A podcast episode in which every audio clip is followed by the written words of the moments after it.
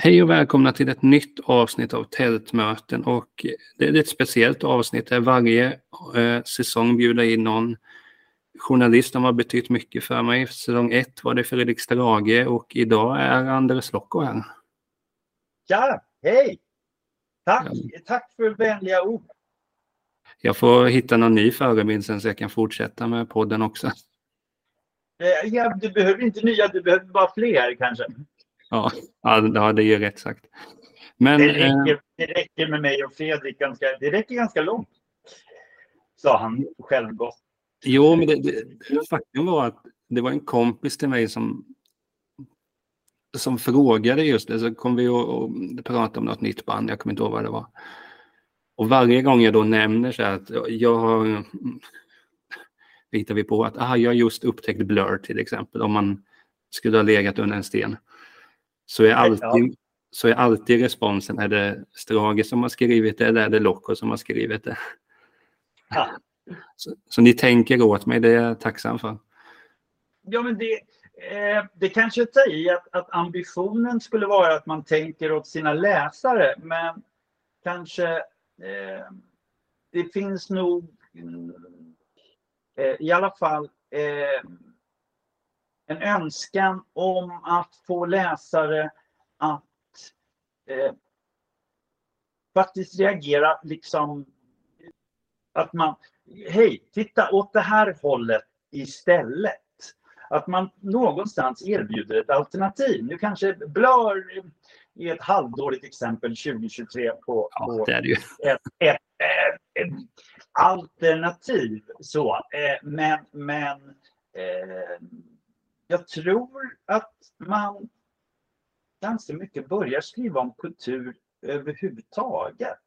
Eh, kanske en generationsfråga också, men, men en av de eh, ursprungliga anledningarna och en av kanske få saker som idag förenar till exempel eh, rent professionellt mig och Fredrik Strage eh, är att eh, vi nog båda ägnade en stor del av våra skolår, uppväxter åt att eh, skrika till skolklasskamrater, folkens omgivning eh, att nej, men läs det här istället, lyssna på det här istället. Det finns hela tiden, ordet man lägger till är istället eh, för eh, den kultur som ni får nedkörd i halsen av de multinationella makterna eh, är inte alls nödvändigtvis eh, bäst eller intressantast eller viktigast eller, eller livsomvälvande. Eh, och mm, man måste påminna sig själv om den drivkraften ganska ofta ju äldre man blir.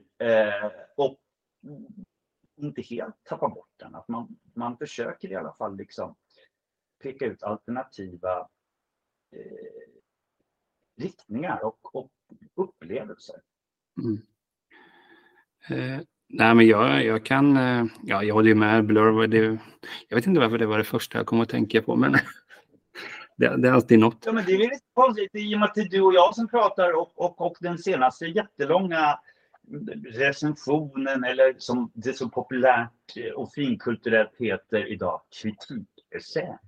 Eh, om Blur, eh, det, var, det var den senaste jag publicerade i Svenska Dagbladet där jag ju oftast skriver. Så, så att det, deras nya album eh, skrev jag om för, för alldeles nyss. Eh, så det är inte så konstigt. Nej, och det var ju ett, eh, det var ett väldigt fint album så det är ju, då ska man ju prata om det. Men yeah. om vi bara, jag tänker så att det kommer ju bli, jag känner ju på mig redan nu att det här kommer bli ett fin, fint samtal. Um. Eller det visste jag sedan innan, så det är inget mer med det. Men om vi börjar så här, vem är Andres Lock och vad är det du gör till vardags? Om vi börjar med den och sen tar vi de mer nördiga frågorna sen. Eh, Andres Locko är en 56-årig eh, relativt nyseparerad eh, man som precis har ägnat en stor del av sommaren till att flytta. Eh, och eh, han eh, är kritiker mer än någonting annat eh, till yrket. Framför allt i Svenska Dagbladet. Jag skriver mestadels om musik.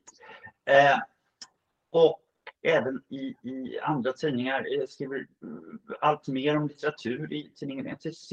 Jag har ett eget radioprogram som heter Loco i P2 eh, som är ganska exakt vad, vad det låter som. Eh, ett eh, slags eh, nyhetsprogram om väldigt ny, vad jag kallar popmusik, eh, som jag kanske tycker eller nej, jag vet inte spelas någon annanstans i, i eh, public service så gott som och eh, borde göra det och försöker ta det på blodigt allvar.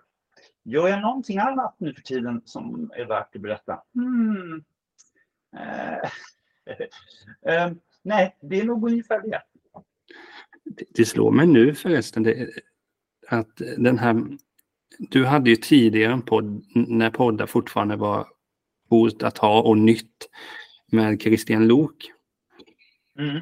Så kom jag på det att det slog mig nu att jag är eh, otroligt flygrädd. Och så skulle jag flyga till eh, Frankrike och jag vet inte vad det säger att det tog tre timmar. Mm. Men det som gjorde att det funkade var ju att jag hade på lurarna hög volym som bara den och bara lyssnade på dig och Christian när ni spelade Paul Weller eller pratade om era liv. Så du, du har förändrat mitt liv och gjort det bättre på många plan. Ja, om, om, om jag har förmågan att eh, mildra flygrädsla så är jag väldigt stolt.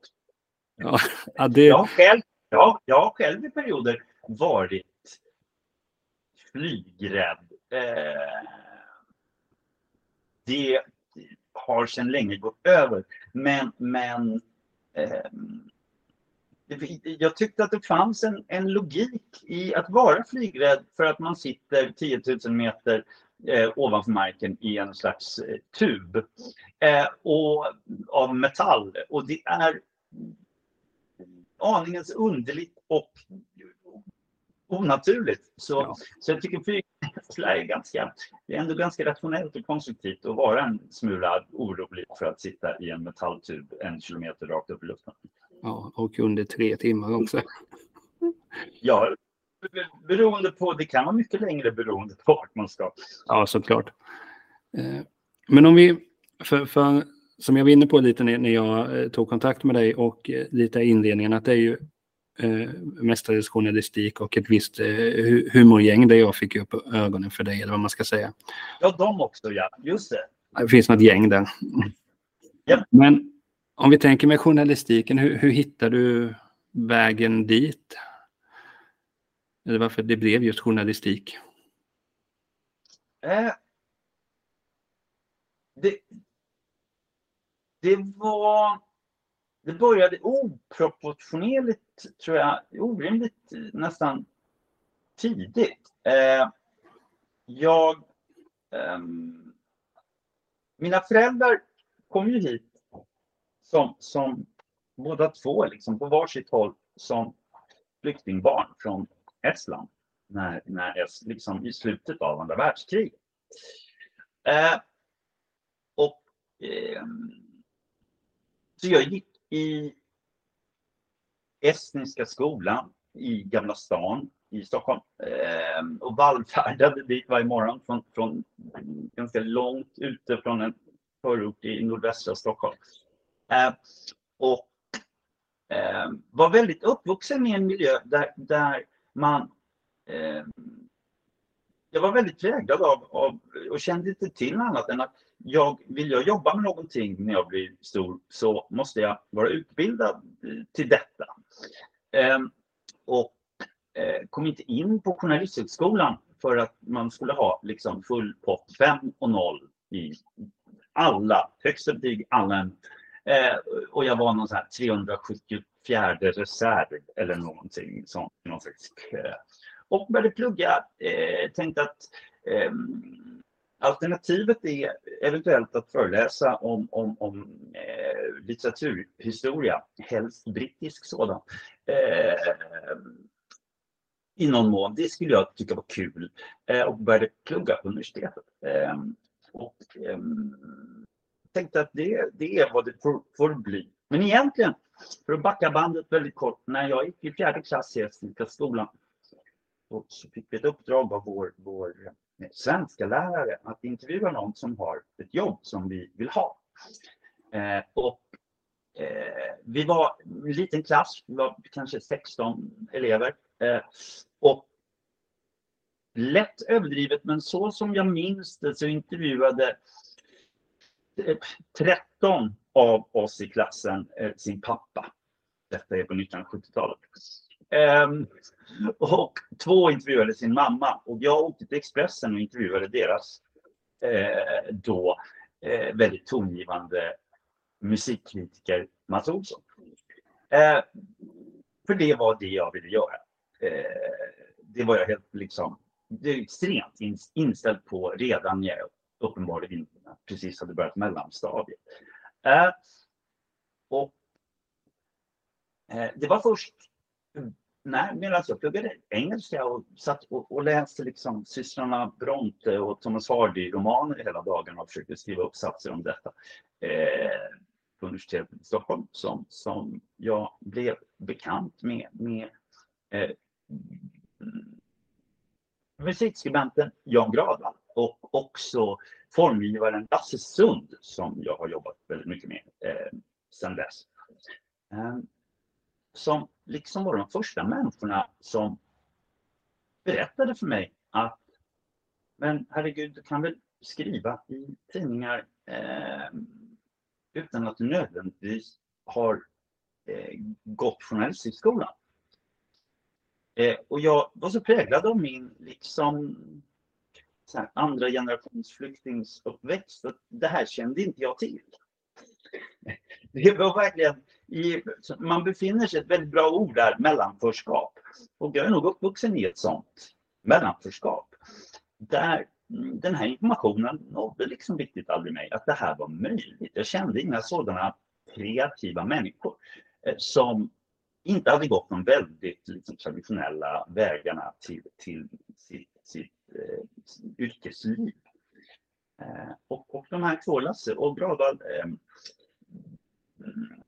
tjatade in mig på en, en, en gratistidning en, som konkurrent, kort, ganska kortlivad konkurrent till nöjes, Nöjesguiden som ju fortfarande finns, eh, som hette Träffpunkt Stockholm. En ganska kaxig och rolig tidning som Lasse Sund just var formgivare för. Där jag skrev några recensioner och det här utspelade sig precis när liksom framför allt housemusik och liksom väldigt mycket så subkulturella fenomen. Allt från, från acid jazz till, till Manchester. Allt det här hände liksom under loppet av några få månader. Eh, och eh, så jag skrev några provtexter som publicerades eh, till min stora förvåning och, och glädje och chock. Eh, och det dröjde inte många, det kändes så här retroaktivt som, som några veckor, men det var säkert några månader. Eh, och då ringde ännu en eh, rockskribent, eh, Kjell Hägglund, ringde till mig från Aftonbladet och undrade, hej kan inte du skriva om housemusik för oss? För det verkar vara coolt och det verkar bli bra på och mitt i mig. Eh, och började skriva där. Och snart så mm, slutade jag skriva klart mina uppsatser till universitetet och eh, la min eh, förelästa, för, föreläsare i viktoriansk litteraturhistoria dröm, eh, eller liksom vad ska vi kalla det? Eh, ja, alterna, alternativa dröm eh, på hyllan eh, och började liksom skriva eh, på heltid. Och detta var förmodligen sådär 35 år sedan. Och sedan dess har jag gjort det. Jag vet inte hur det gick till. Men jag, jag eh, det gick så pass liksom, vad ska vi säga, enkelt och smärtfritt. Och överraskande till att eh, jag fortfarande kanske inte oroar, jag kanske inte ligger vaken om nätterna direkt längre. Men eh, jag väntar mig att någon ska komma och knacka mig på axeln och bara eh, säga nej hörru, nu är det dags att gå tillbaka till skolbänken och klippa det och skaffa ett riktigt jobb. Eh, så här kan du inte hålla på. Eh, stjäla utrymmet från riktiga journalister i sån där fotoväst. Eh, men, men ungefär så gick det väl till. Det, det, låter ju liksom underbart. Dels de här namnen du, du eh, nämner med Janne och Kjell. För visst är det Kjell som, han skriver väl mycket om film nu va? Visst, visst är det den Kjell? TV framförallt, ja. Men ja, ja, det är samma Kjell Hägglund som, som en gång i tiden var, var liksom huvudpopkritiker på Aftonbladet i många år. Ja. Men det är länge sedan. Det, det var han. Eh, Ja, och Janne vet vi. Ja. Givetvis. Nej, men det, det, är så, det är så fint att höra sådana här stories just. Det låter ju nästan lite filmiskt att man är inne på en del och sen råkar man träffa rätt person vid rätt tid. Och sen leder det till eh, detta som är nu helt enkelt. Ja, men jag, jag tror att en bidragande orsak till att, att Eh, jag och Janne blev bekanta var också att vi var några av eh, vi var ett försvinnande litet antal. Kristina Adolfsson var också en, en viktig, eh, kanske inte mentor på samma sätt, men en inspirationskälla och senare också lite konkurrent. Vi var inte så många som eh, var intresserade av i, i Stockholm eller i Sverige eh, av eh, internationellt svart kultur. Alltså det var någonting med liksom housemusiken, hiphopen, allt detta i sin, så att säga, i sin linda. Eh, så var Sverige ett, eh, en raggarnation eh, på väldigt många sätt. Och de två personer som man kände igen när man gick och såg svarta artister från, från England, Jamaica, USA eh, på besök i Sverige. De lärde man sig känna igen ganska snabbt. Och i synnerhet i mitt fall eh, när, när det var folk som Kristina och, och Janne som jag ju läste med stor behållning. Uh, så så eh, var man kände sig lite som en eh, outsider i ett liksom eh, gitarrrockssamhälle. Mm. Nej, men jag, jag, kan tänka mig, för jag minns när jag såg eh, den här Beastie Boys, eh, ska man kalla det dokumentär eller show eller mm. Där var de lite inne på samma sak, att om jag minns det rätt att eh, de som lever nu då, Rock och eh, Mac D, att, de, att det var lite så också att man lärde känna varandra för det var bara det var de som gick på dessa konserter och därigenom då börja känna varandra och sen blir det Beastie Boys och allting där. Men det måste finnas jättemånga eh, andra sådana exempel. Det är likadant med, jag är väldigt fotbollsintresserad, man lär ju känna folk där också. Ja, vi, vi är ju på ja, samma lag. Ja, men har man ett, ett, ett liksom, eh, en spe, specifik smak eller ett intresse eller en förbläss eh, så får man, idag är det ju eh, liksom eh, idag behöver du inte leta efter de personerna analogt utan du hittar eh, dina själsfränder eh, oavsett hur, hur,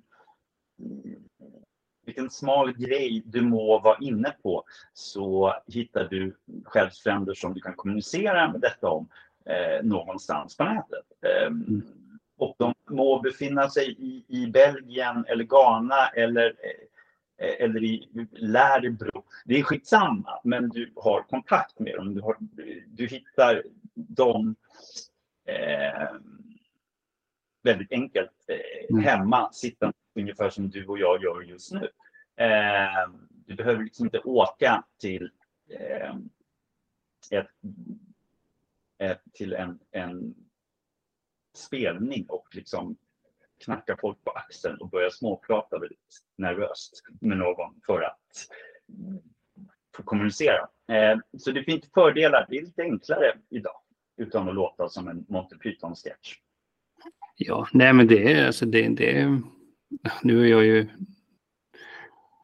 nu har jag inte upplevt så mycket annat. Jag är ju ja, jag föddes ju ungefär när du började med musik så vi har fötts åt den. Mm.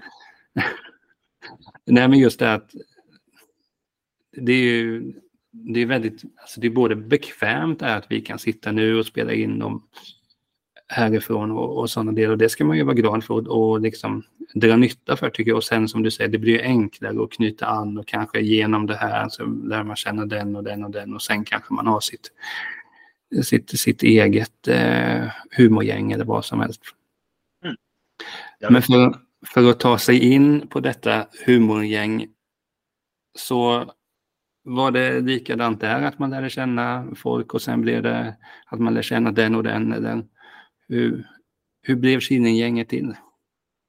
Eh, nästan på ett nästan på samma sätt, ja.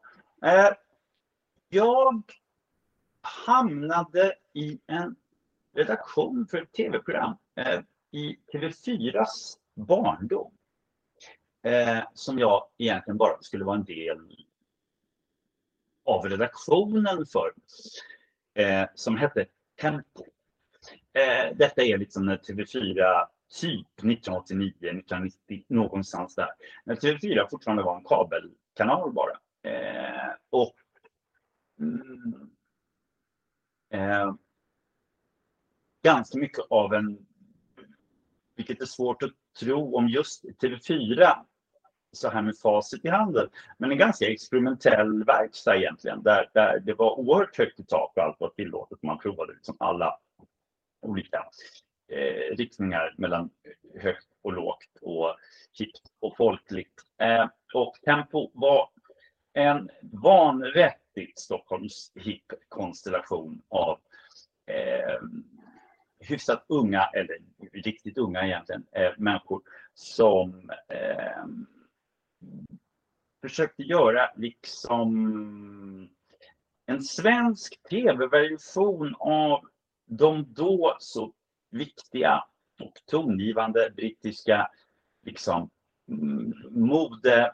musik, trendtidningarna, så här, The Face, ID, Dazed and Confused, alla de här eh, som, som då var, de var så att säga internet på det sättet att eh, det var den effektivaste, snabbaste, modernaste informationskanalerna som existerade för att liksom få reda på vad fan, vad är grejen? Vad är nästa pryl? Vad kommer? Vad, vad måste vi lyssna på? Vad ska vi läsa? Vad, de, de var superviktiga och väldigt obligatoriska för oss som var eh, popkulturintresserade med stort P och I. Eh, och det här var lite en ambition att göra ett sånt tv-program. Eh, Bisarrt nog så slutade det med att jag blev programledare för det. Eh, och, och, det kanske inte var världens bästa idé. Men det var ett ganska roligt program och en av de personerna eh, som jag intervjuade också i den serien eh, handlade om någonting som precis då hade kommit till Sverige, MTV. På MTV i London jobbade en eh, typ 18-årig Henrik Schyffert. Eh, och han var en av de personerna som blev intervjuad. Eh, inte så långt efter det slutade han på MTV, flyttade till Stockholm och jag sprang in i honom på en konsert på Cirkus med David Bowie. Eh, under David Bowies eh, kortlivade eh, och ärligt talat ganska hemska eh, band, Tin Machine. Eh, rättvist lite suddade ur historien om David Bowie idag.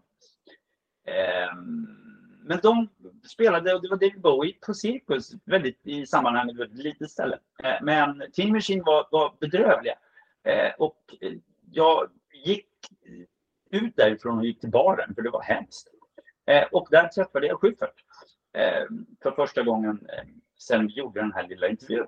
Och vi började prata eh, och hade samma liksom humorreferenser märkte vi. Vi hade väldigt, väldigt roligt.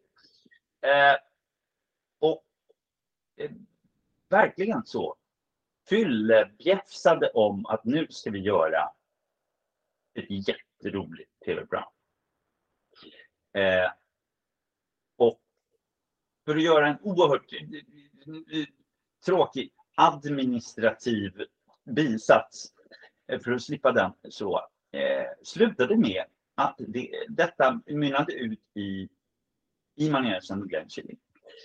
Eh, där eh, vi sakta, sakta, skakigt och metodiskt först anlitade Johan Rheborg och Jonas Inde eh, som i sin tur eh, varmt rekommenderade Robert Gustafsson som varken jag eller Henrik visste vem det var. Eh, men eh, och han dök upp för en audition och eh, sen skrev vi ett jättelarvigt program som visades på vanvettigt märkliga undangömda tider. Eh, allra sist på om det var SVT1 eller SVT2 eller om det då till och med hette TV1 och TV2. Eh, gick liksom som ett sladdprogram allra sist. Oavsett vilken tid den sena fredags-tv-serien eller filmen gick. Efter den kom vårt program. Så den kunde gå 01.43 liksom, på en fredagkväll. Eh, ingen tittade på detta. Eh, men eh, under loppet av ett år så blev det, jag hatar ordet, men det mm, programmet fick en så Eh, en, en, en kult-following kan vi nog ändå kalla det i ordets ursprungliga bemärkelse. Eh, där vi sakta lärde oss eller noterade bara att eh, folk började flera månader efter att programmet hade slutat gå. Vi trodde att den här karriären kan vi glömma och återgick till våra vardagssysslor. Eh, då kopierade folk VHS-kassetter med i manegen Glenn Killing och på olika barer i Stockholm och gissningsvis även andra städer eh, kunde man liksom bartendrar på liksom Tranan eller någon annan hipp bar i stan såld, sålde man liksom kopierade här, alla avsnitten av I som en Chili. Eh, och Eh, det tisslades och tasslades om detta. Och det här gick ju oss relativt spårlöst förbi för vi var tvungna att eh, överleva på att göra något annat. Liksom. Eh, men men ehm, då hörde den anrika restaurangen och krogscenen Berns av sig. Hej, kan ni tänka er att göra i manegen med Glenn Killing live hos oss? Eh, och det tog ganska lång tid för oss att acceptera att men vi kan liksom inte misslyckas en gång till eh, och nu även inför publik live. Eh, det vore ju bara idiotiskt. Eh, men blev övertalade av eh, ledningen på Berns som var alldeles ny och ung och eh, övertygad om att det, det här kommer att funka. Eh, så vi fick liksom samla ihop det här sällskapet som var lite, redan lite spritt för vinden egentligen. Ehm, och eh, gjorde en ny version av detta för scenen som blev en faktiskt en helt jävla makalös succé. Eh, väldigt overkligt, eh, både nu och då, när det på premiärkvällen, jag som slapp eh, stå på scenen eh, och mig är det liksom ingen som känner igen, så jag kunde liksom gå ut och titta på men vilka är det som är här? Vad är det, vem fan är det som har köpt biljett till det här? Vad är det för dårar? Och längst fram sitter liksom Hasse Alfredsson och Povel Ramel. Eh, och så här, Magnus och Brasse. Och man så här. Eh, vad är de här? De galna. Eh, mm, ungefär så. Eh, satte det hela igång. Men det, det, är ofta det jag tänker på med eh, eh Killinget. Alla ni som, som du nämnde då. att Alltså om vi tänker så här, om man slarvigt ska säga det, kalla det för mediabilden av varje person eller vad man nu ska kalla det. Det känns ju som en grupp som är väldigt, väldigt olika. Mm. Det, alltså hur, och jag för mig den här jag minns inte om det var du som sa det, om jag läste det med Schyffert eller någonting, men den här Kinegänget-biografin som kom för några år sedan. Så var det mm. någon som sa att själva poängen är att vi egentligen inte tycker om varandra eller någonting åt det hållet. Ja. Eh, eh, jag kommer inte ihåg vem som sa detta.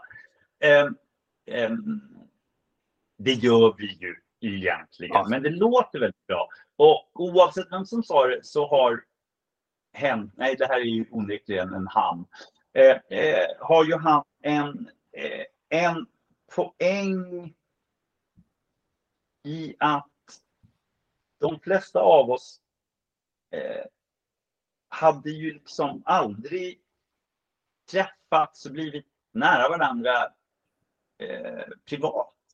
Eh, för att, inte för att vi nödvändigtvis inte skulle gilla varandra, men vi, kom, vi kommer från så extremt olika platser, bakgrunder eh, och referensramar och viljor.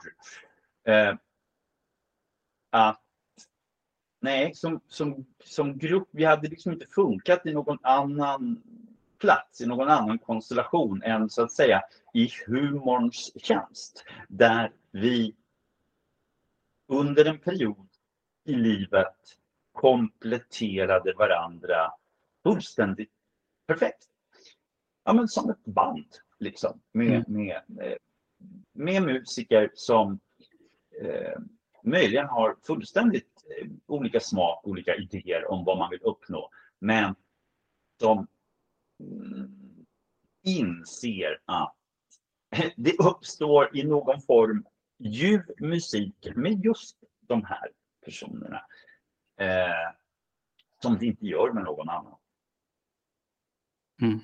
Nej, men det är, nej, men det, det, är ofta det jag tänker på också, som om man då tittar utifrån sett vad, vad till exempel Robert Gustafsson har gjort med, eh, ja, med alla hans eh, gubbar. Och så här. Det känns som att mm. om man inte känner till hela den här Killinggänget-grejen eh, så känns det svårt att liksom koppla ihop till exempel er två. Nu tog jag ju det som ett exempel bara. Ja, ja men vi, alltså rent på pappret så, så, så förstår jag ju att man gör det, eller att du gör det. Eh, för att eh, det är klart att vi befinner oss liksom... Vi är ju i offentligheten eh, i den mån jag nu är i en sådan liksom, jämförelse med Robert. Eh, så, så Eh, är vi ju, är vi ju våra verkligen diametrala motpoler. Eh, klart det är så. Eh, men men eh, det... Mm, eh, alltså, jag tror att det är eh, där i låg och ligger också den här gruppens eventuella liksom storhet och lockelse. Den, det, det, eh, Båda de här komponenterna är livsnödvändiga för att det skulle funka. Eh, och vad som egentligen sker så att säga bakom lyckta dörrar så eh, kunde vi ju också rent medialt använda den nidbilden eller, eller fördomen om oss.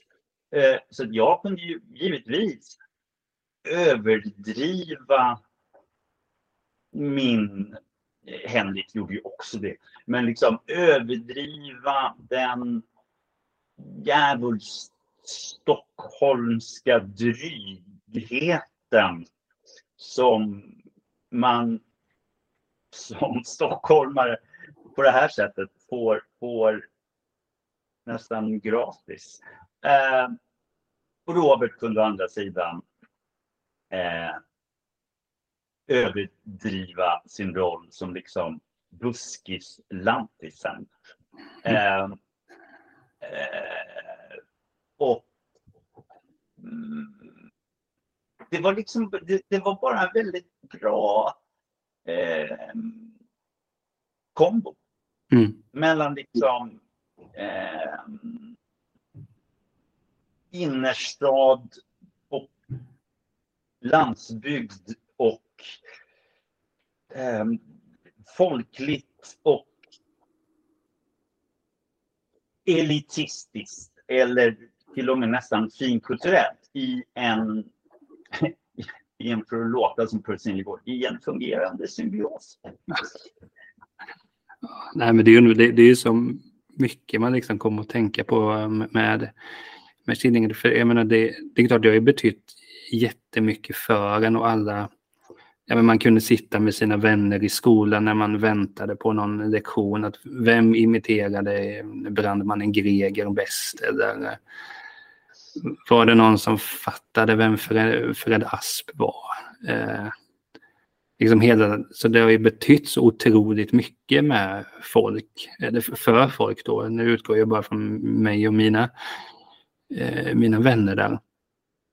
Men jag menar, det måste ju vara, är det många som kommer fram och liksom, eller hur, hur tar, jag tänker så här, hur, hur, tar man det nu när jag... Om man bor i Stockholm, om man bor mitt i Stockholm, eh, så, så händer ju detta väldigt sällan. Stockholmare är härligt eh, eh ändå fortfarande eh, eh, dryga och självupptagna i den mån att, att eh, man, man måste nästan lämna eh, Stockholm eh, för att någon ska komma fram till en och prata med en överhuvudtaget. Ehm, eh, här händer det inte så ofta. Inte mig i alla fall. Eh, skådespelarna i gruppen betydligt oftare förstås. Eh, men eh, vad som oftare händer eh, som nästan är roligare är ehm, hur ofta folk i ens omgivning eh, citerar Killing-produktioner, Killing-sketcher, enstaka rader eh, utan att längre ens veta var de kommer ifrån. Ja. Eh, det är ganska häftigt. Eh, och Alltså om någon kommer fram till en, vilket ju händer med, med ojämna mellanrum, så det, det, är klart att någon kommer fram eh, till en packad på, på, vid någon krogdisk eh, och ska eh, citera eh, Nile City-sketcher eller, eller någon, någon rad från Tors på Tallinn. Ja, det, det händer. Eh, men det är intressantare hur en hel del eh, citat, one-liners, uttryck, ord har eh, blivit liksom bevingade uttryck bara. som bara har införlivats i, i det svenska språket. Och folk eh, citerar saker som kommer från, från oss eh, och våra produktioner eh, utan att veta att de gör det. Eh, och jag känner ju förstås oftast igen dem och får bara en väldigt kort sån här wow, eh, det är ju ingenting jag får för mig att kommentera. Förlåt, det där du just sa. Jag skrev det 1997. Eh, men jag tänker det ju och blir jävligt glad. Eh, för det är helt bisarrt och väldigt underligt att liksom eh, 30 år, 25 år gamla eh, sketcher har helt tagna ur, sin, ur sitt ursprungliga sammanhang fått ett, i alla fall om inte ett evigt så i alla fall ett förlängt liv. Bara genom att bli, mm, jag tänkte säga ordspråk, det är att ta i, men, men eh, någon, de har överlevt sig själva i bemärkelsen att de inte eh, eh, behöver sitt, sitt, sin kontext eh, för att ändå citeras och att folk gör detta eh, även till mig eh, utan att ha någon aning om var det kommer ifrån. Eh, och det är eh, ganska jävla coolt. Jo, men det, men det är lite samma sak att häromdagen så var det en elev, han går i femman ska han börja i nu. Så mm. skickade han ett meddelande på Facebook med en sketch med Sudden till exempel som han tyckte var skitkul och så tänker man det här är liksom Ja, det är jättelänge sedan men kul att den nya generationen också tycker om det. Ja, eh, ja det där kan jag inte riktigt säga någonting om annat än att um, det är, humor är ju, vilket, vilket just Killinggänget lite så postmodernt 90-talistiskt sätt. Eh, 90-talet var, var ett intressant decennium ur, ur massa aspekter men en av de intressantaste var att det också var eh, ett decennium där eh, vi som var liksom i knappt fyllda 20 när det decenniet började. Eh, besatt, var liksom uppvuxna med en enorm medvetenhet om hur media fungerar. Hur tv eh, egentligen görs och tillverkas. Eh, och inte bara tv utan liksom all, alla mediala former som existerade då. Eh, och det är inte så konstigt att när den generationen fick liksom någon form av makt över media eh, i slutet av samma decennium.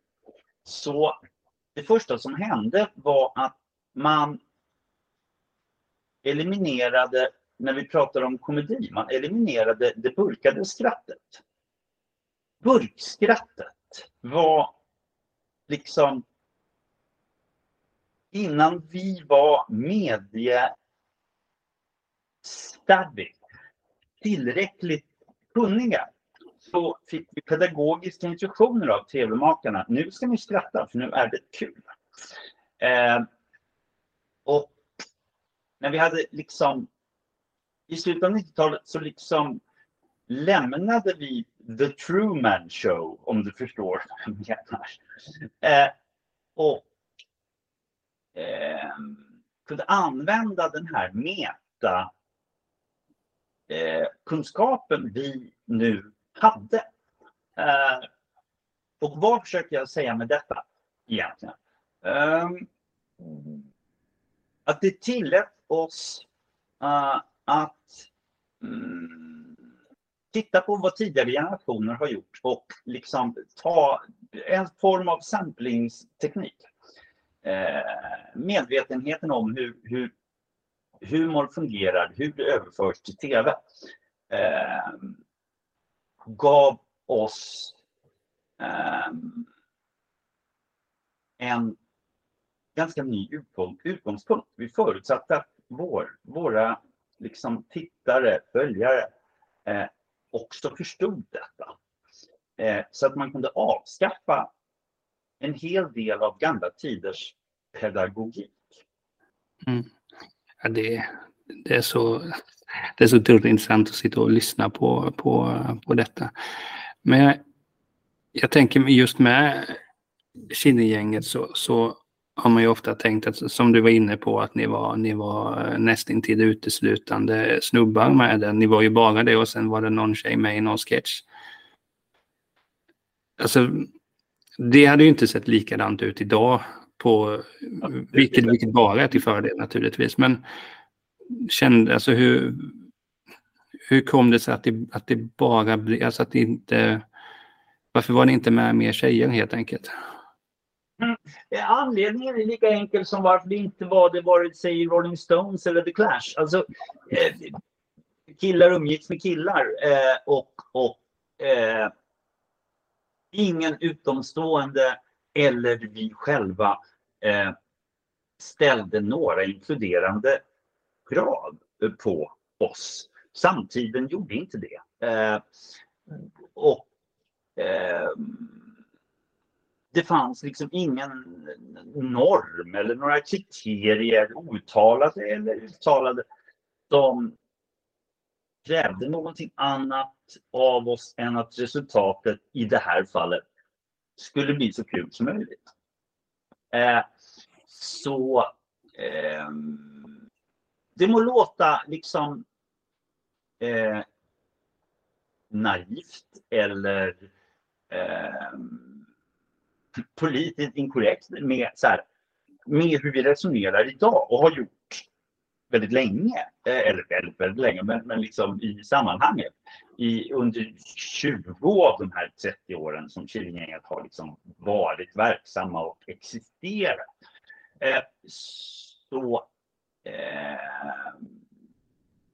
när gruppen startade så var inte det eh, något som eh, ifrågasattes speciellt högljutt.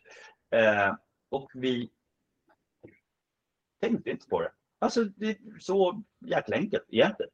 Det vill säga, mm. det här funkar ju. kör vi. Eh, och eh, vi möttes ju heller inte av liksom beställare, mellanchefer, producenter som, som eh, uttryckte tveksamhet över att vad fan, vi var killar. Eh, ja, det blev så. Eh, men men, men eh, det dröjde ganska lång tid innan liksom någon ens höjde på det ögonbrynet. Eh, och på sätt och vis var det aningens för svårt att skaffa sig liksom ja, men vem ska vi byta ut? Eller ska vi ja. det, det, det, det hade kanske varit ännu konstigare och på så vis så var vi väl liksom, alltså, eller blev, eh, på sätt och vis liksom eh, dinosaurier på samma sätt som liksom eh, förebilder som eh, oavsett om det är Monty Python eller Hasse och Tage eh, var mestadels män. Mm. Eh, och även om vi självklart liksom ägnade intervjuer eh, och, och, och, offentliga sammanhang och använde plattformar för att liksom lyfta fram eh, inspirationskällor eh, som inte var vita heterosexuella män från Skandinavien. Eh, så eh, kunde vi liksom inte göra så mycket åt det. Det här bandet bildades hyfsat organiskt och i tiden vi startade i eh, så var det inte speciellt konstigt. Men jag tänkte också på det, det om, om, du, om du inte vill prata om det så kryper jag ju bort eh, det såklart. Men alltså jag tänker som, du nämnde ju det med, med Jonas Inde, att han var med från början. Eller han, han var ju med, men nu har han ju andra saker att göra får man väl minst säga. Ja, han har annat för sig. Det är helt uppenbart.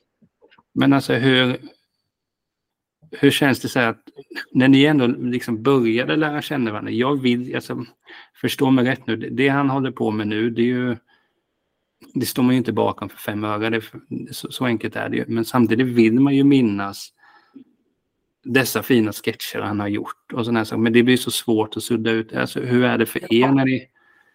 Ja, jag ska inte ge mig ge, liksom, ner i, i, i, i det här kaninhålet.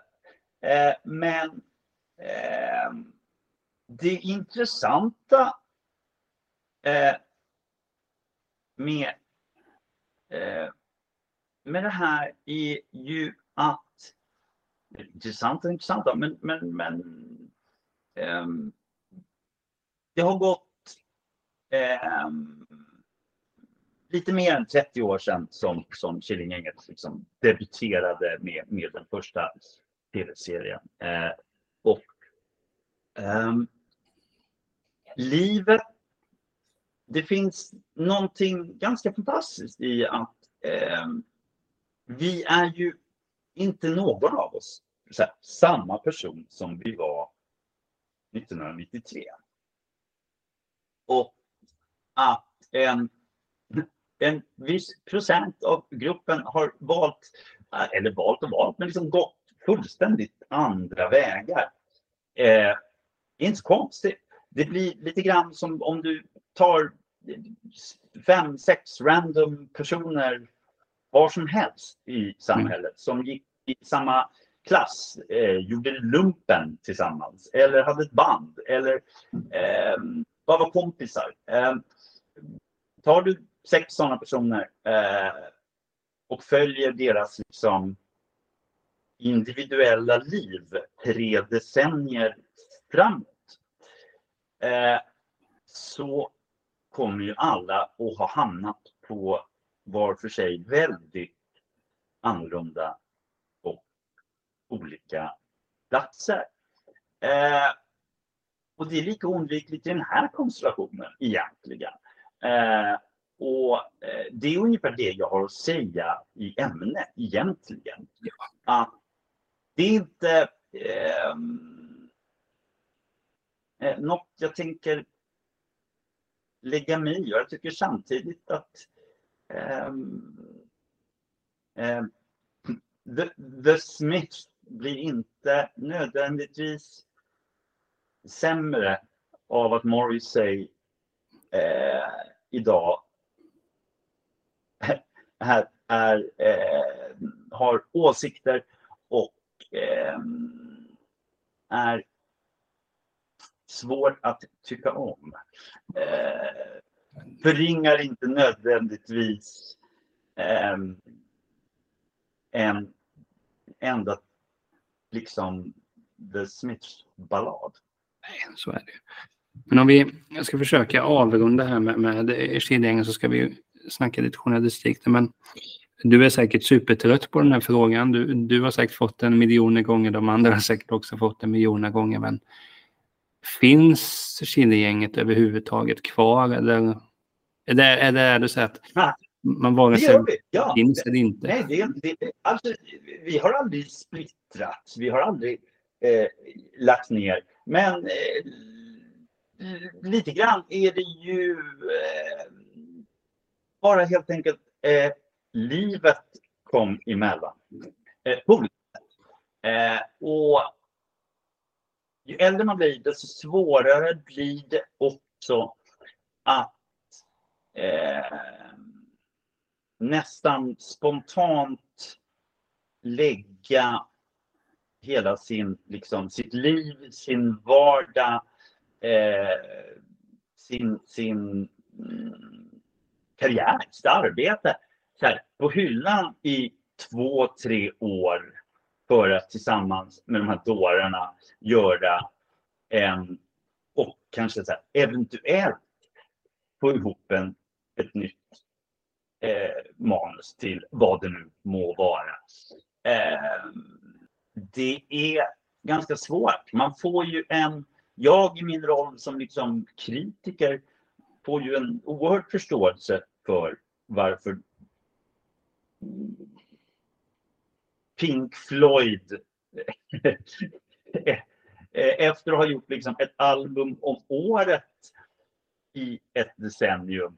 Eh, plötsligt så tog det fyra år. Nu tar det 14 år innan det kommer ett nytt album. Mm. Eh, och jag kan både identifiera mig med den utvecklingen. Eh, inga jämförelser mellan Killinget och Pink Floyd i övrigt. Men eh, hur, vi, så vi, vi, existerar i allra högsta grad.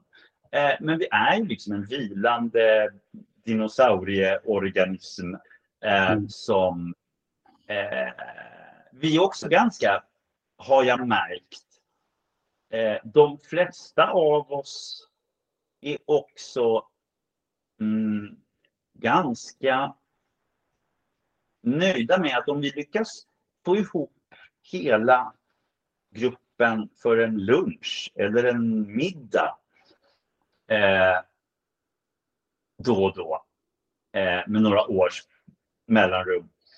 Eh, eller till och med faktiskt ett möte där någon av oss har en, en idé som, som eh, vi diskuterar. Så märker man att vi är ganska glada och nöjda bara över att ha umgåtts en mm. eftermiddag eller en kväll.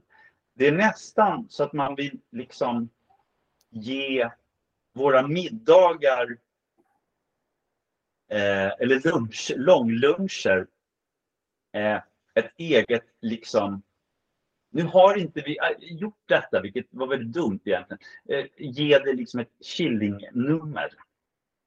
Eh, så, som ett liksom eh, typ som ett skivbolag. Eh, kanske för att jag främst här tänker på det ganska klassiska oberoende Manchester-skivbolaget Factory som gav allt de gjorde ett nummer även om det inte var eh, fysiska skivor. Efter ett tag så gav de sin egen klubb, The Hacienda, fick ett Factory-nummer. Eh, de köpte en ny spegel till baren. Inköpet och kvittot fick ett eget nummer och så vidare. Så om Killinggänget skulle göra liksom en orienteringsslinga eller en bokpanna så skulle det eh, vara en lika viktig Killingprodukt som Nyans och brud. Eh, ja. eh, om, om vi hade gjort detta från början eh, och varit lite mer teoretiskt lagda så hade vi förmodligen gjort detta. Och så som vi själva tror jag känner det så skulle en, en, en, en jättetrevlig middag med Killinggänget på, vad vet jag, Teatergrillen i Stockholm. Eh, var så här, men nu har vi ju, har ju träffats och pratat i flera timmar. Det var jättetrevligt och mysigt att ses igen. Eh, men då måste vi göra någonting mer än det. Nej, det hinner vi inte. Det orkar vi inte. Lite så är det. Eh, jag, kan ju, jag kan ju säga att jag hoppas någonstans att vi innan någon av oss dör eh, gör någonting mer. Eh, mm. Men det är inget vi kan tvinga fram och det är heller inte livsnödvändigt på något vis. Eh, om det sker så gör det det. Om inte är det heller ingen som helst katastrof. Men existerar gör vi ju.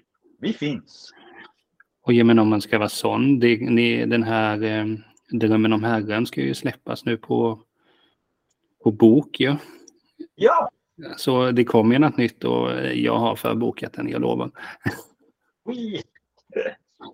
Nej, men jag ska faktiskt, hur, hur, hur, hur, lite jag än vill det så ska jag lämna gänget nu för det, vi har mycket. Det, det, jag, har inga, jag har inga som helst problem att prata om det eh, eller, eller att det skulle kännas uh, så här, retro eller nostalgiskt eller sentimentalt eller Eh, så att det inte finns någon framåtrörelse i att prata om det. På sätt och vis så gör det det eh, eftersom vi, vi är ju liksom eh, vi, vi finns. Vi hinner bara inte riktigt eh, arbeta tillsammans allihopa i den utsträckningen som, som eh, eh, vi borde för att, liksom, alltså, som vi måste för att göra någonting nytt som är en, en ren chiliproduktion. Eh, eh, men, men, eh, men jag tänker inte utesluta att det kanske faktiskt sker någon gång. Mm. I, i uh, jag kommer vara glad hur som, vad som än blir. Man, man har ju kvar det gamla och sen, uh, ja, den här intervjun blir ett minne för, för min del. Men Mm. Du ska få en fråga som alla har fått som har varit med här. Mm. Jag kommer från Hultsfred, så du kan ju tänka vad som komma skall. Har du några speciella minnen därifrån? För det måste väl ha hängt där en del på 90-talet? Motvilligt. Jag har ju väldigt svårt för rockfestivaler. Jag tycker inte om rockfestivalen eh, eh, som, som eh, eh, företeelse. Jag tycker ju om musik inomhus. Man har uppfunnit inomhus. Vad ska vi ut och göra bland mygg och natur och gyttja? Eh, det, eh, någonting med detta är fundamentalt fel. Eh, det, det, är... Eh, det påminner mig, alltså det är lite samma sak med rockfestivaler som med eh, den plötsliga vurmen för vinylskivor. Eller i modevärld, i modekontext, hur man plötsligt eh, ska, ska eh, ha en revival för, för knappgylfen. Kom igen, vi har, upp, vi har uppfunnit blixtlåset. Eh, det är mycket effektivare. Eh, och med vinylen, eh, CDn känns mycket mer futuristisk fortfarande än vinylskiva. Eh, inomhus, mycket modernare än utomhus.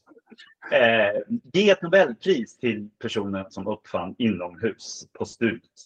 Mm. Eh, så det är min grundinställning till festivaler. Jag tycker inte om insekter och vill helst vara kvar i stan. Eh, men, eh, men jag har haft, having said that, jag har haft jätteroligt på Hultsfred. Eh, jag har förstås aldrig tältat på Hultsfred utan, utan eh, först åkt dit när jag hade råd och möjlighet att eh, bo på hotell eller hyra en lägenhet. Eh, men, men, eh, men jag har haft väldigt roligt där. Det jag kanske minns mest och starkast ändå är eh, det som har fastnat, och det, eller så här, det första jag tänker på eh, är faktiskt Primary Screen.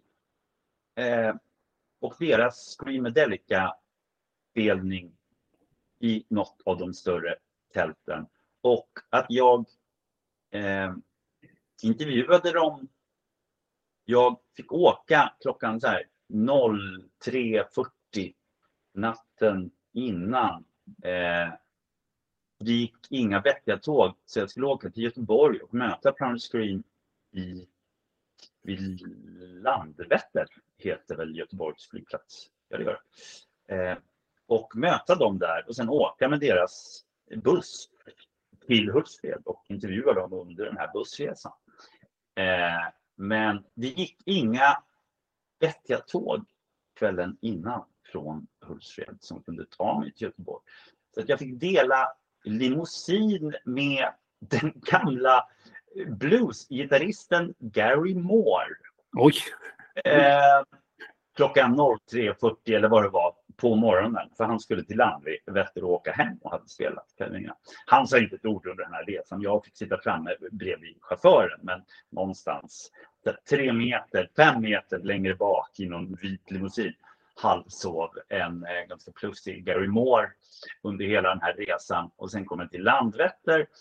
Eh, och eh, Primal Scream-medlemmarna bars över liksom bars över axeln. Fullständigt helt jävla väck på jättespännande olika droger. Eh, de var liksom hopvikta över olika roddares och eh, turnémanagers axlar. Eh, och sen följde en vanvettigt hedonistisk eh, och i en svensk kontext ganska, nästan lite imponerande knarkkarneval under den här bussresan upp till Hultsfred och jag försökte få Gillespie med anhang att säga någonting smart och vettigt eh, när de bara ville spela Sly and Family Stone på högsta volym och dröjde sig jätte, jätte, jätte, jättemycket cola. Eh, och att de sen senare samma kväll eh, genomförde en alldeles briljant eh, konsert eh, var smått chockerande. Men eh, det var ett väldigt speciellt dygn på Hultsfred. Det kan jag tänka. Men det, det som också, jag minns när jag eh, pratade med, med Strage här för då, det är nästan exakt ett år sedan faktiskt. Mm. Så kom vi in och pratade om eh, tidningen Pop. Och där kände jag ju så att dels är jag ju så mm, besviken ska man inte säga, men, men det hade varit så kul att uppleva den eh, den eran där man kunde läsa, för jag har inte fått tag på några, men eh, så om du har några liggande så köper jag gärna ett par ex. Men... Jag, jag eh, vet inte. Är det någon som är bra på att veta var han har sina gamla grejer så är det just Drag. Eh, jag är inte så bra på jag får köta på honom lite till. Ja, jag tror att det, det, är värt det. Ja, jag får, jag får hälsa från dig också. Arkiv. Jag har också liksom flyttat lite för många gånger mellan olika länder och relationer och stadsdelar eh, genom åren att liksom jag har säkerligen liksom gett bort mina exemplar till någon som blev glad och tänker att äh, vill jag så kan jag säkert få tag i dem på något vis. Huruvida jag ens har på flesta tidningarna själv, det vet jag fan. Jag har ingen aning. Nej, men i alla fall då, då när jag eh, pratade med Strage så pratade han en, en del om pop-tiden eh, där. Mm. Och det är också när, jag minns när, när, han pratade om det så var det så mycket så att redan då började jag ju fundera att ja, men jag måste bjuda in Locko för att ja, han var väl bara någon som han, nu parafraserar jag lite, men han såg sig mer som någon sorts praktikant som inte fick göra de roligaste eh, jobben. Nej, men de han gjorde, gjorde han roliga.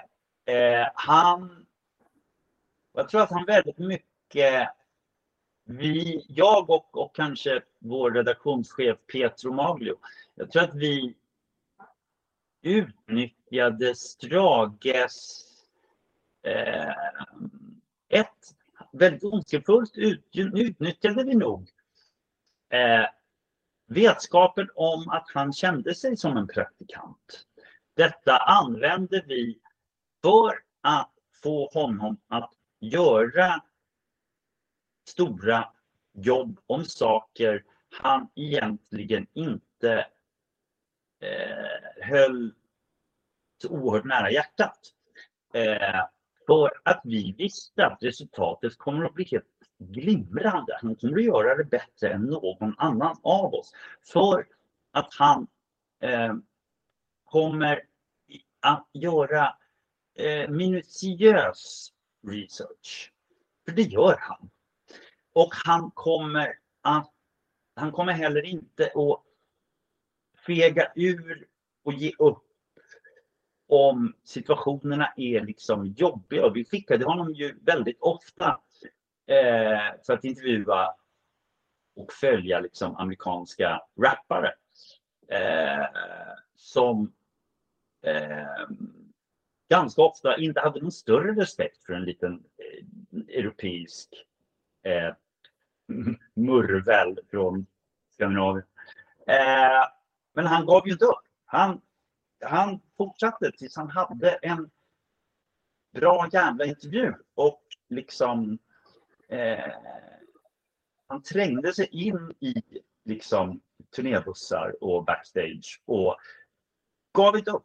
Eh, så vi utnyttjade ju hans underdog-känsla för att vi visste att han var svinbra.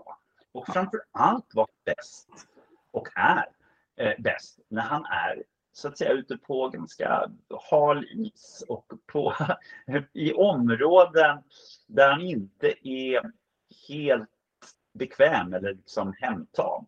Mm. Eh, lite så tror jag att det var med, med vår professionella relation under, under åren med tidningen Pop.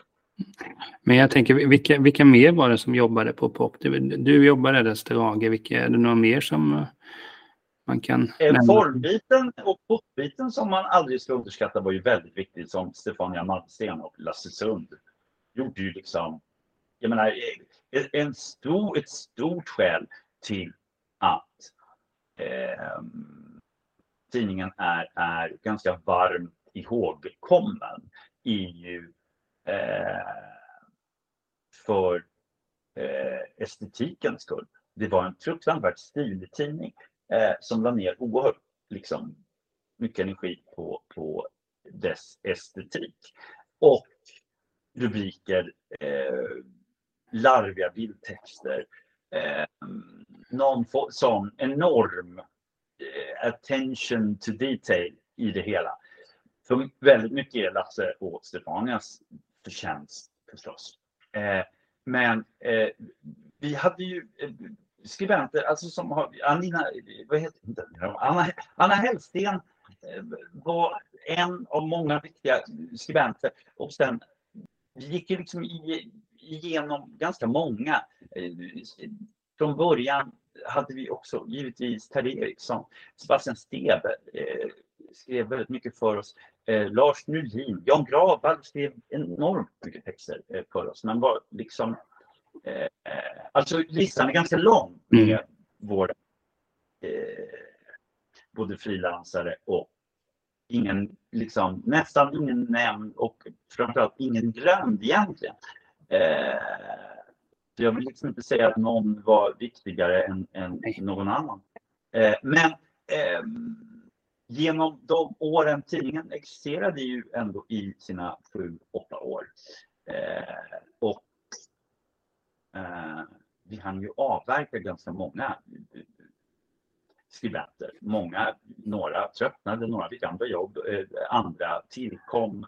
Eh, musik, eh, musiken vi bevakade förändrades och liksom eh, eh Sen fanns det liksom konstanter som Lennart Persson som liksom fortsatte sin mission för liksom någon form av rotmusik. Liksom. Eh, oavsett om vi andra var helt inne på eh, jungle och drum and bass eller vad som nu hade dykt upp. Eh, och vi tyckte var mest innovativt och i framkant eh, och rusade i den riktningen. Så att det fanns ju hela tiden en, en vilja till att kommunicera vi ville ju liksom få de som köpte tidningen för att läsa Lennart Persson, vi ville få dem att börja lyssna på drum and bass. Och vice versa, och få drum and bass-entusiasterna att förstå för att de är dem. Det är liksom satt ihop. Detta var, var eh, detta var något och är eh, lite av tidningens eller tidskriftens eh, finaste egenskap eh, som ju är att du inte kan riktigt välja en så à la carte-meny utan du måste läsa hela menyn. Mm. Eh, och plötsligt så sitter du där och vill 21 år gammal eh, och egentligen vill du bara läsa om Elastica eller Slow Dive eller vad det nu var mm. 1993. Men plötsligt tvingas du äta upp grönsakerna på tallriken också. Du läser ett 20-sidigt reportage om Louis Armstrong. Ehm, och går till ett bibliotek och lånar deras samlade verk med hans tidiga inspelningar och lärde någonting nytt. Så på så mm. vis så, så, var ju det eh, alltid ambitionen. Mm. Alltså, jag, jag, jag, måste på något sätt försöka komma över. Det finns säkert begagnat att köpa, men det hade varit... Eh, man är ju född i fel tid, så föddes som sagt 90 där, så eh, ja, det fanns nog inte så många sådana hemma tyvärr. Husan. Ja, nej men om vi... Det är någonting så som, som alltid slår mig när, eh, när, när man eh, då pratar med musikjournalist som du. Och det är en ganska så här halv... Ja, det är väl sak samma. Men av de här mötena du har gjort med eh, kända eller okända musiker. Alltså, man vill ju veta, så är Gallagher-bröderna så otrevliga som man får för sig? Eller är de bara väldigt... Nu har ju du varit i handgemäng med en av dem visserligen. Hur mycket av det, hur mycket av det är, är en, en liksom uh, iscensatt uh, liksom rollfigur? Mm. Uh, och av det är uh, autentiskt? Det varierar väldigt mycket. Men för att kunna... Min erfarenhet är väl att för att kunna överleva som människa eh, i offentligheten oavsett om du är fan vet jag, skådespelare eller programledare eller, eller eh, rockstjärna eller eh, vad du nu är. Idrottare, du kan vara vad som helst egentligen. Eh, men, men du skapar dig oftast som ett skydd mot den här offentligheten. En lite överdriven version av dig själv. Eh, du gör dig själv till något av en liksom, seriefigurs karikatyr av den du kanske egentligen är. Eh, och sen får du tampas med den resten av livet om du råkar bli känd för, för mm. detta. Uh, du ska antingen leva upp till det eller, eller så ska du um, utvecklas, förändras, mogna och eh, ta avstånd ifrån personen du var när du var 21. Eh, så det här är ju ett dilemma för alla former av, av artister liksom, eh, Eh, och offentliga personer. Det gäller säkert lika mycket politiker, liksom, eh, på gott och ont. Eh, men men ehm, det är ju inte så ofta som en artist oavsett om det är bröderna Gallagher eller om det är Neil Young eh, eh, eller Mary J Blige. Liksom. Eh, man hinner inte riktigt ta av sig den där masken under en intervju även om den är tre timmar lång. Eh, om man inte vill. Eh, eller om man är lagd åt det hållet att man ska visa vem man egentligen är det, det handlar liksom jävligt mycket om, om, om artisten, artistens fråga, liksom ambition. Vad han eller hon eh, är för slags artist mm. också. Eh, den här uppriktigheten och nakenheten eh, som, som ibland uppstår i intervjusituationer. Eh, som man ibland når Mm, man gör det ju oftast för att artisten i fråga faktiskt själv eh, vill åt den. Helt enkelt och visa vem man egentligen är. Eh, och att du kanske inte alls är den eh, offentliga bråkstaken eller vad det nu skulle vara att mm. man har för eh, eller att nej, jag kan, jag är faktiskt läskunnig. Eh, eller vad det nu. Eh, så Eh, så någonstans tror jag att, att liksom, eftersom allting är en form av skyddsmekanism så tror jag att den riktiga människan eh, i en längre intervjusituation lyser igenom ändå. Ja. Om du förstår. Ja, men sen, sen, sen kan jag känna också som så här med Gallagher-bröderna till exempel det hade ju inte varit samma sak om det hade kommit en intervju imorgon där de säger liksom att ah, men vi har grävt ner, vi har kommit fram till att vi älskar varandra, vi är syskon. Det hade ju inte varit samma grej. Uppfriskande Nej, det är ju en, det är ju en, en liksom, underhållsform underhållningsform och även liksom eh, detta sker ju förstås fortfarande. Men eh, du gör ju inte intervjuer bara för att du ska som på 90-talet sälja mer skivor eller idag konsertbiljetter eller vad det nu är. Eh, eh, det är inte nödvändigtvis liksom livsnödvändigt för, för ens eh, finansiella eller kommersiella syften. Det är också en del av ehm, eh, ett, ett, en teaterföreställning, ett skådespel, där du, du eh, odlar liksom din eh, legacy eller eh, du odlar ett framtida arv genom att ge intervjuer. Eh, och det du säger där, det är också liksom en, en, en postmodern eh, möjlighet. Att man har ju lärt sig. Du, du, du, även bröderna Gallagher eh, kunde och kan eh, läsa varenda, vilket de också förmodligen har gjort, läsa varenda eh, Beatles, Lennon, McCartney biografi som har skrivits. Eh, och kan eh, applicera det på sin egen metodik. Bara. Eh, ja, men de gjorde så här och med det uppnådde de följande. Och 40 år senare så eh, var de här intervjuerna lika viktiga för deras liksom, eftermäle eh, som skivorna de gjorde. Eh, nästan. Eh, det sitter i alla fall ihop. Och den här vetskapen som är liksom en del av det meta av den meta det meta-universum vi befinner oss i idag så är liksom kunskapen om hur man gör. Det finns manualer till allt. Mm. Och följer man de här manualerna så kommer man att uppnå ungefär samma effekt med lite tur. Eh, och, eh, och det här är en del av liksom, att göra intervjuer lika mycket idag som, som, som det var för, för 30 år sedan.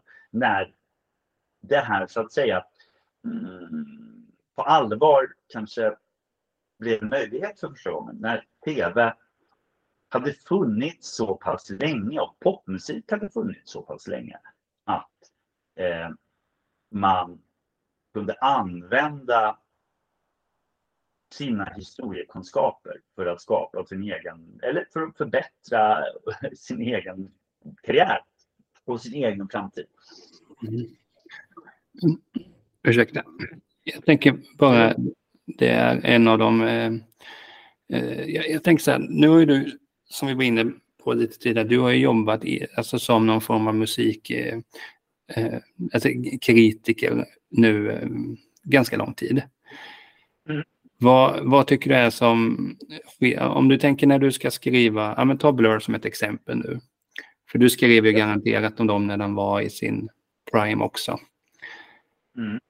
Hur, alltså är tänket lite fortfarande när du skriver då den här recensionen av det senaste albumet? Är, är det samma liksom beståndsdelar du vill uppnå då som när du skrev om eh, Parklife-skivan till exempel? Eh, jag har inte i modern tid så ofta gått tillbaka och läst mina egna texter från 25 år sedan. Eh, jag borde kanske göra det ibland.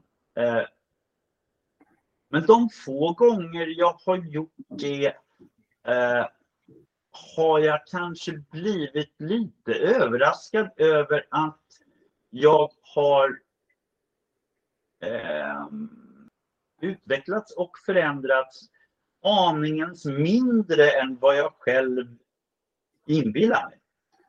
Eh, den stora skillnaden egentligen mellan, för min del, mellan 1995 och 2023 är att jag är 30 år äldre. Eh, med allt vad det innebär. Eh, och att den stora skillnaden är att jag inte har behovet av att ens ge intrycket av att jag befinner mig mitt i detta som händer själv. Jag behöver inte vara ett band. Jag behöver inte... Eh, jag känner inte något som helst behov av att eh, vara en del av det jag skriver om. Eh, jag behöver inte ens tycka om det för att det ska vara intressant eller fascinerande och roligt och intressant för mig att skriva om och förhoppningsvis för någon annan att läsa om. Eh, så eh, det, jag tror den stora skillnaden är att jag är så ohyggligt mycket mer av en eh, nästan objektiv observatör med ganska stor erfarenhet idag.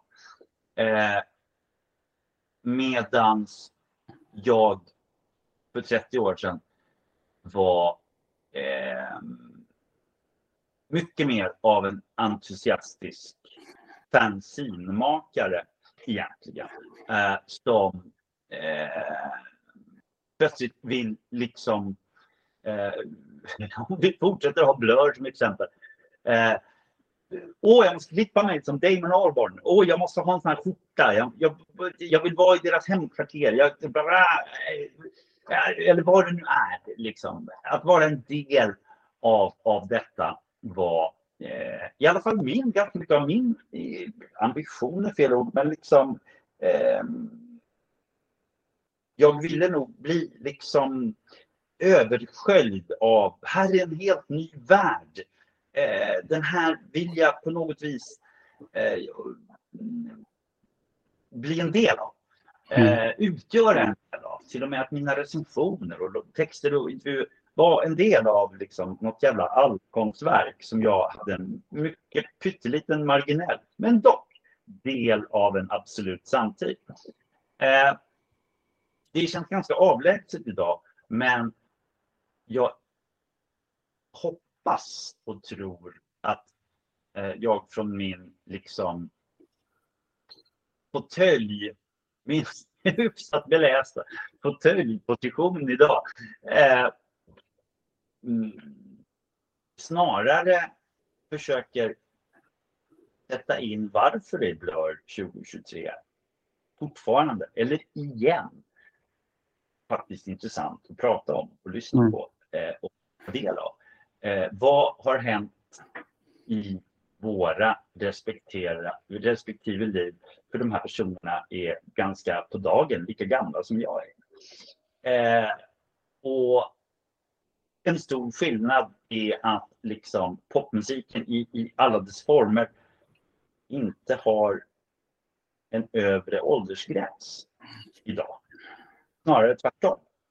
Så att, att följa artister som man uppskattade på ett helt annat sätt och av helt andra skäl för 30 eh, är eh, precis som Killinggängets medlemmar, helt andra människor idag som har gått väldigt olika eh, vägar i livet och hur det påverkar musiken.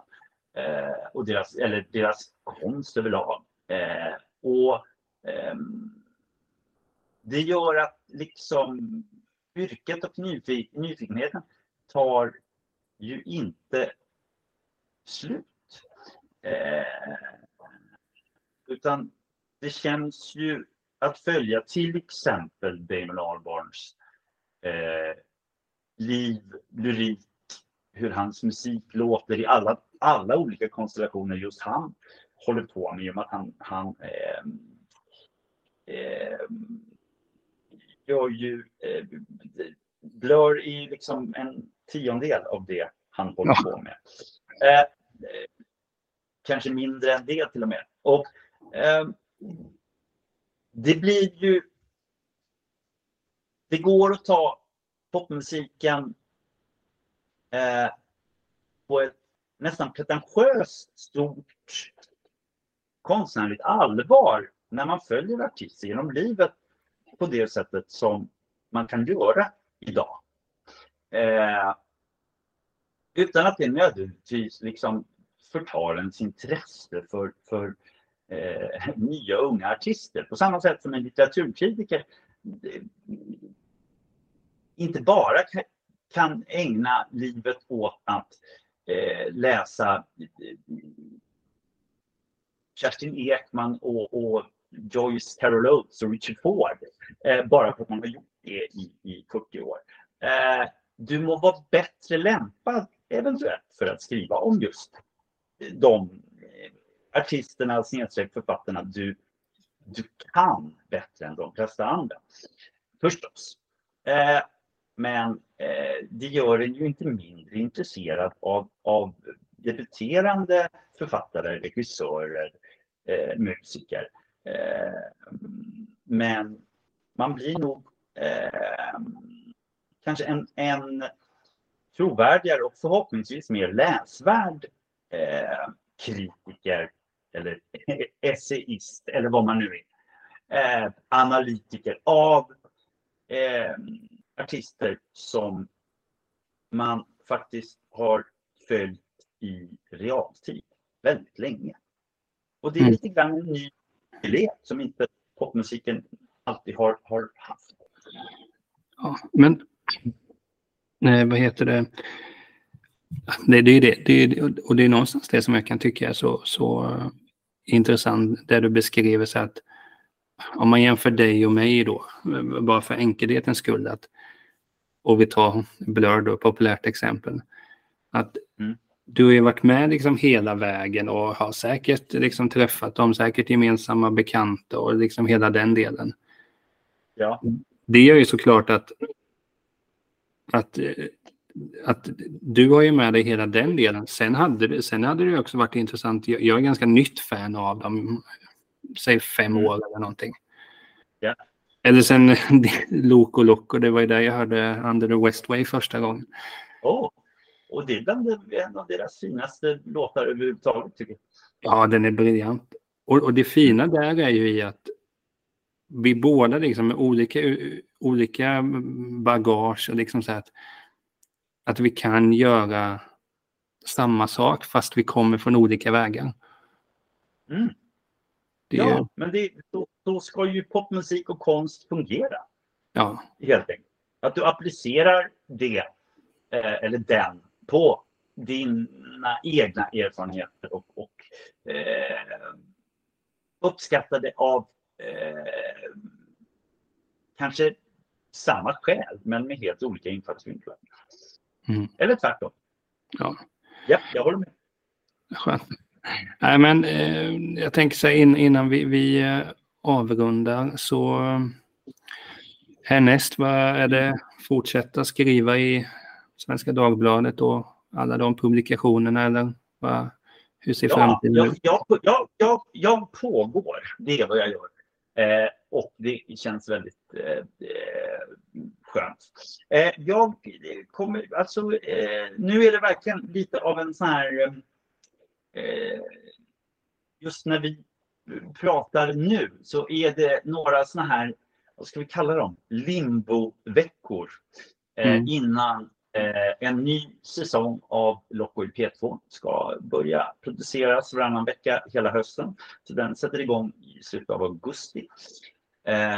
och, och sen kommer jag att skriva mina krönikor och betraktelser och recensioner eh, i lite olika tidningar. Eh, och eh, det ska förhoppningsvis även fortsättningsvis betala eh, hyra och eh, mat på bordet eh, ett tag till.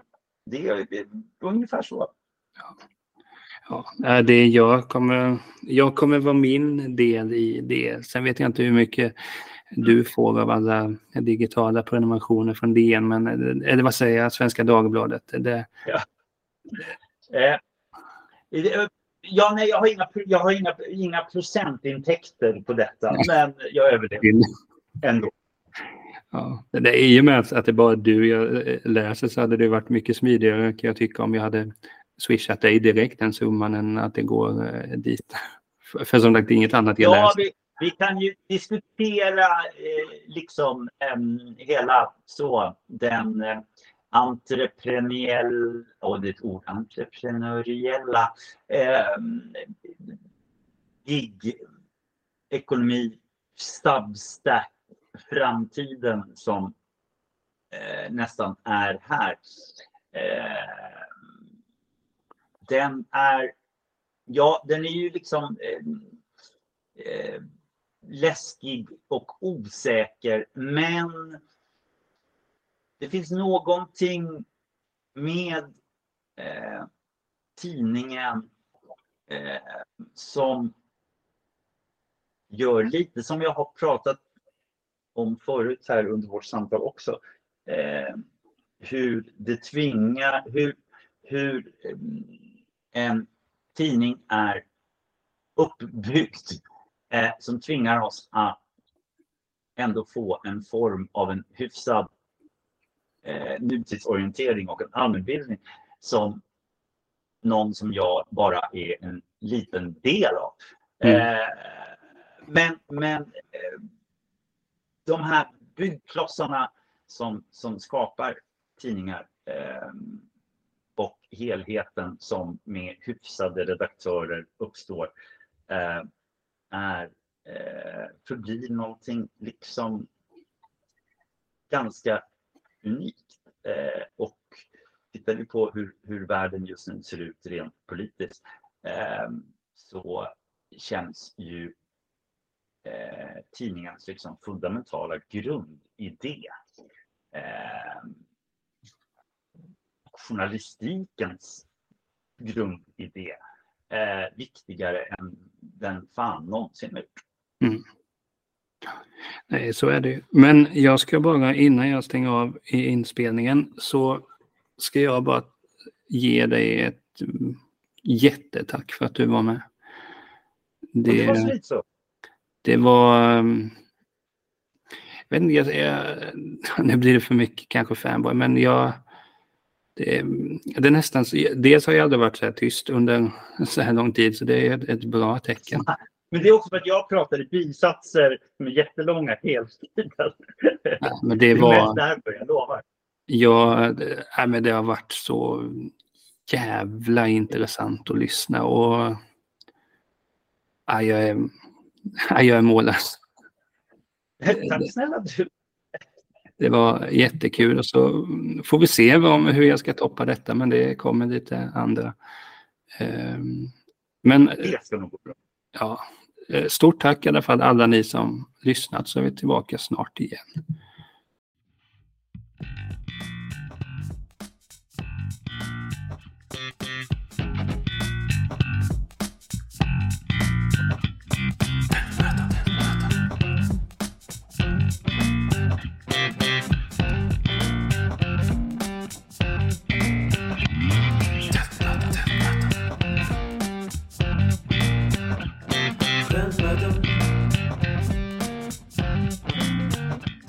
Jonathan